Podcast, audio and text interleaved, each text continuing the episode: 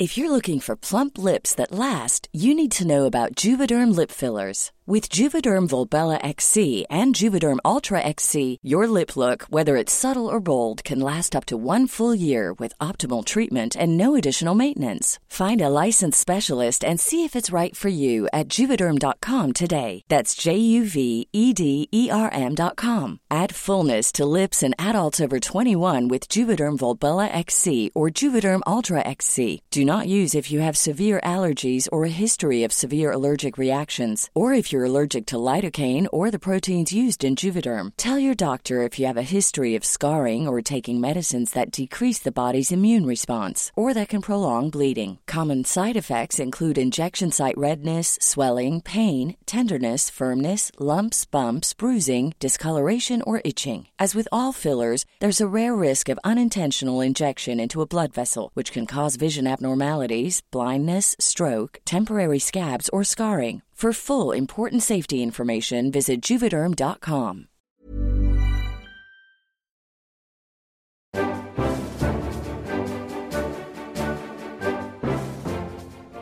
De bommet på brexit, de bommet på det britiske valget 2015. Donald Trump sier de er fikset. Kan vi stole på meningsmålingene? Det spørsmålet stiller vi i dagens Aftenposten Verden. Og med oss har vi vårt team i USA, Kjetil Hansen og Kristoffer Rønneberg. Og fra Bergen TV 2s meningsmålingsekspert Kjetil Løseth. Og Kjetil Løseth, hva er grunnen til at man nå ser ut til eh, å ta mer feil, og at man stoler mindre på meningsmålingene nå enn tidligere? Generelt sett så har det blitt større mobilitet blant velgere. Det gjelder ikke bare i USA, men i flere andre land. Vi ser lav valgdeltakelse, og kvaliteten på målingene har nok også delvis gått ned. Det skyldes bl.a. at det er mindre vilje til å betale for god kvalitet hos flere medier. Vi har sett målinger i USA som har hatt færre spurte enn tidligere, og det er også flere målinger som er laget ved hjelp av ny teknologi. Går vi tilbake i, eh, til de to siste valgene. 2012 var det en skjevhet i målingen i USA mot republikanerne. En viss eh, skjevhet i 2008 mot demokratene. Og For å treffe så må man ha et godt representativt utvalg. Det er viktig både med metode og det er viktig hvordan byråene vekter målingene. Men et problem i, problem i, USA er at folk ikke har fasttelefoner lenger. Altså det, det, det, gjelder det samme i, i, i, mange land. Men i USA så er det vanskelig å drive meningsmålinger med uh, folk som har mobiltelefon, fordi man kan ikke drive eh, såkalt robocalls, altså at man ringer og ringer fram til noen plukker opp telefonen. Det kan man kun gjøre på, på fasttelefoner. Eh, og Dermed så blir det veldig mye dyrere å, å drive meningsmålinger mot folk som har mobiltelefon, fordi man da må ringe til folk eh, direkte og ikke med, med, sånne roboter. Og Da blir det også færre, færre målinger. Men Kjetil, ja, Det kan også gi skjevhet i utvalgene. Men Kjetil, du som nå opererer nede i Trump-land.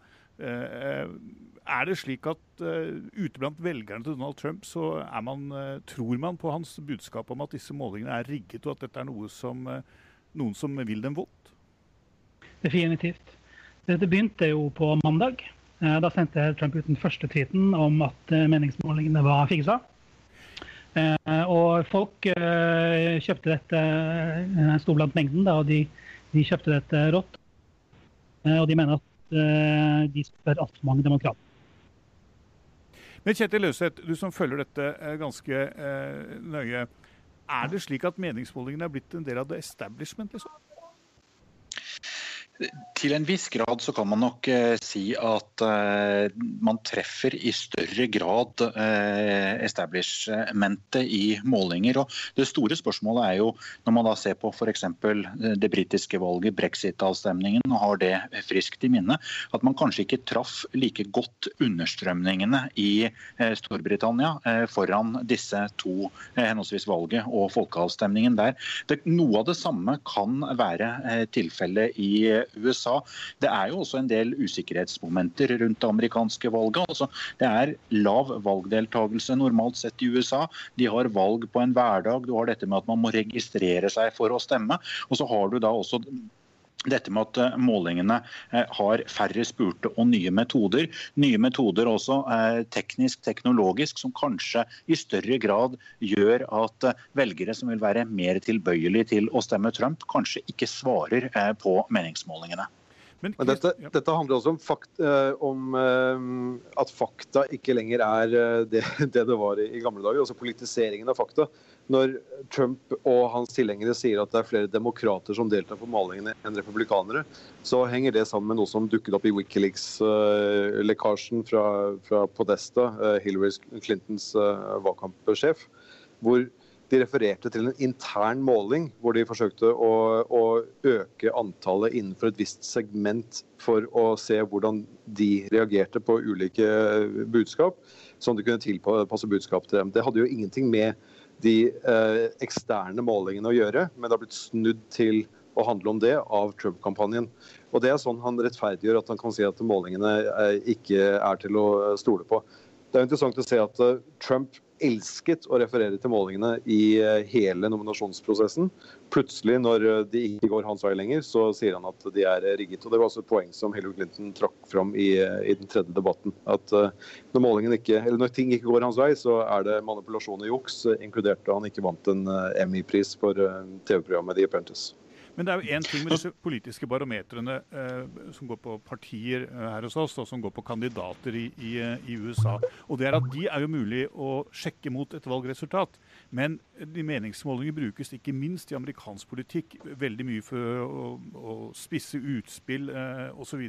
I den sammenhengen får man jo aldri egentlig fasiten om det virkelig er et stort flertall mot Eh, invasjonen i Irak, eh, for eller mot skatteletter eh, og den type spørsmål. Kjetil Løseth, lar vi oss lett forføre, vi journalister, av disse målingene og bruker de ukritisk? Ja, eh, til en viss grad så kan vi jo si det. For det er jo fullt mulig for aktører som bestiller meningsmålinger, altså i veldig stor grad politiske partier og organisasjoner som ønsker å sette saker på dagsorden. Det er jo fullt mulig for dem å eh, stille et spørsmål gjennom et meningsmålingsbyrå som gir eksakt det svaret de ønsker at målingen ut skal vise. Så det er viktig at eh, både byråene er kritiske og evner å skille mellom nøytrale gode spørsmål, men at også mediene er langt mer kritiske og ikke biter rett på eh, kroken hver gang en organisasjon eller et parti forsøker å selge inn en sak om at en måling viser at alle i praksis er enige med partiet eller organisasjonen i en sak.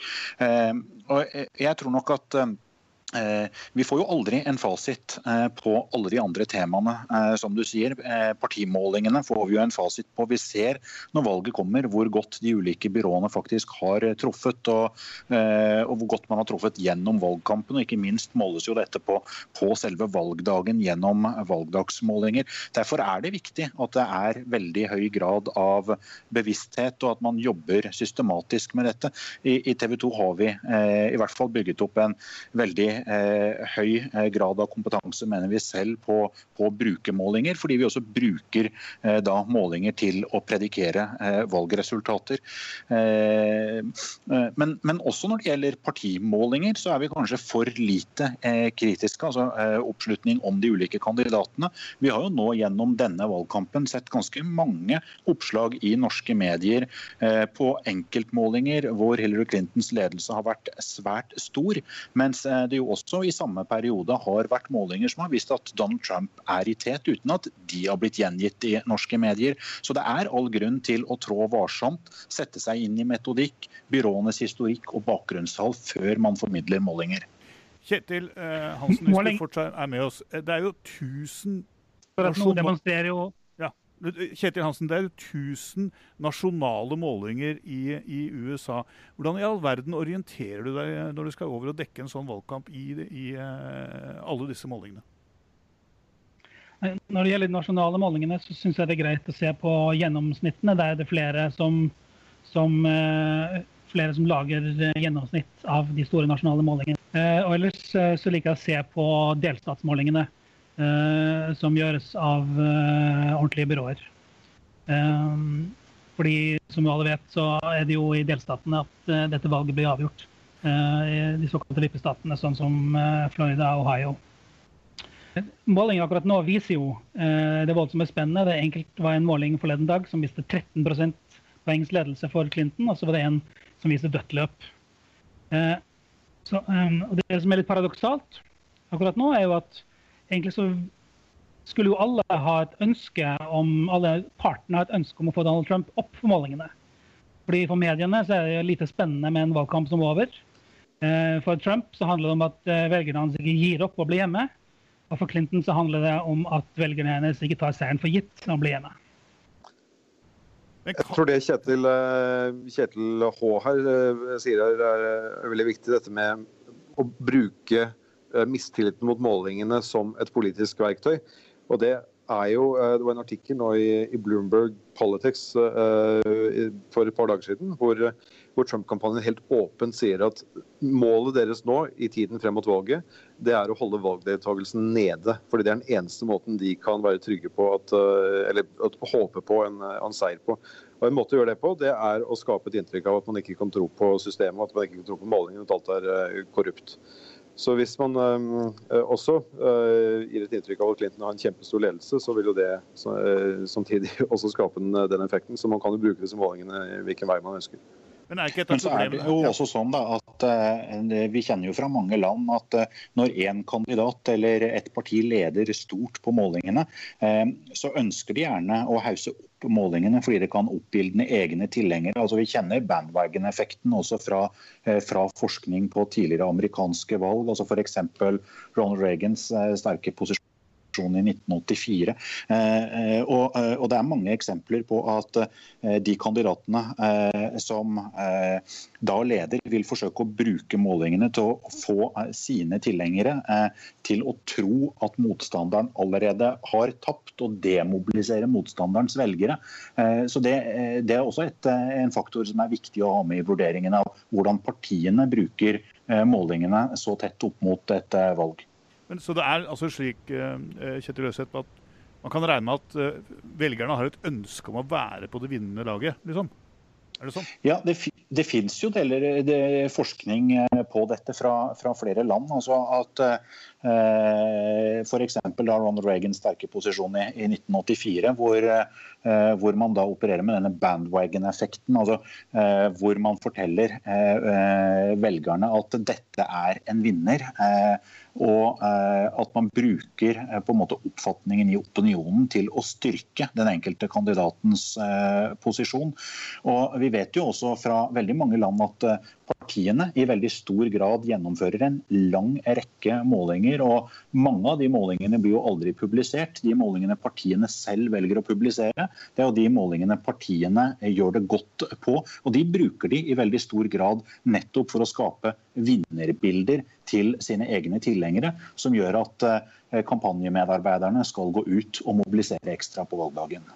Jeg kan gi et eksempel på det. Jeg fikk en eh, e-post fra Trump-kampanjen i går. så Jeg står på mailinglisten sammen med mange millioner andre. og Der fikk jeg eh, en graf som viste det de kalte approval rating for Trump. De ga ingen kilder og sa ikke hvor dette kom fra eller hvem som ble spurt, eller noen verdens ting, men det var en graf som viste utviklingen til Trump og utviklingen til Clinton.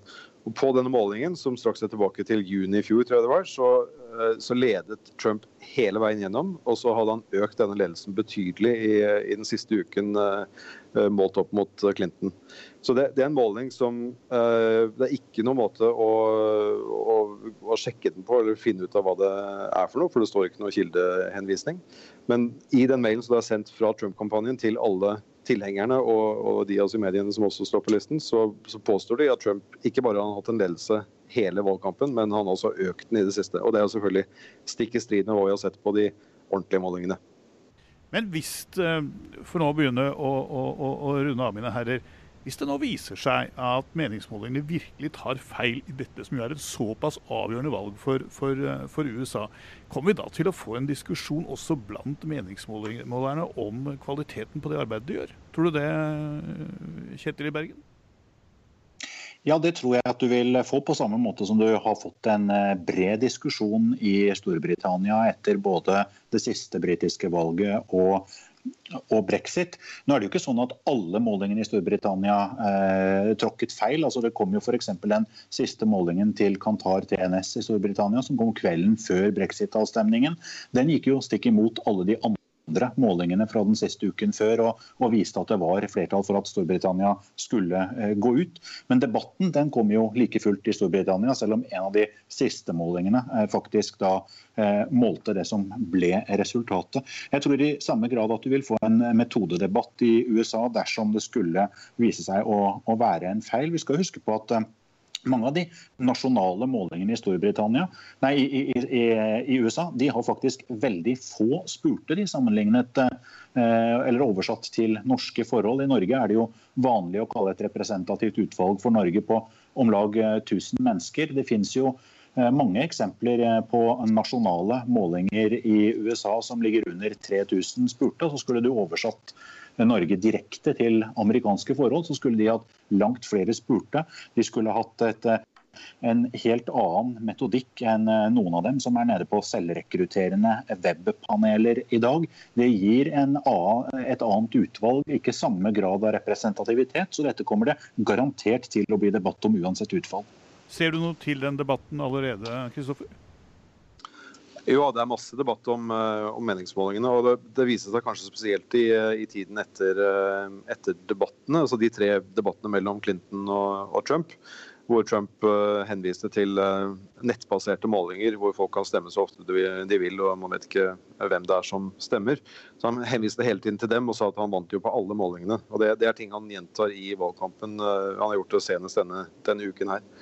Så det gjelder å holde tungen rett i munnen og vite hva man skal se på. og Da, da kan man jo lene seg på uh, folk som uh, f.eks. som Kjetil uh, han som var inne på 538 uh, og hva de skriver der. De, de, tar ikke bare målingene, vi tar også demografisk data og, og, tall inn i betraktningen. Så den, den værmeldingen som de oppdaterer jevnlig, den, den var jeg om at de siste månedene så har jeg sjekket den omtrent like ofte som jeg har sjekket klokka mi. Men uh, Kjetil Hansen, hvis du fortsatt har deg med på en litt uh, skurrete linje fra Florida. Tror du det er mulig å overbevise uh, Trump-tilhengerne om at disse målingene tross alt er ganske korrekte, dersom de på valgdagen viser seg at de stemmer?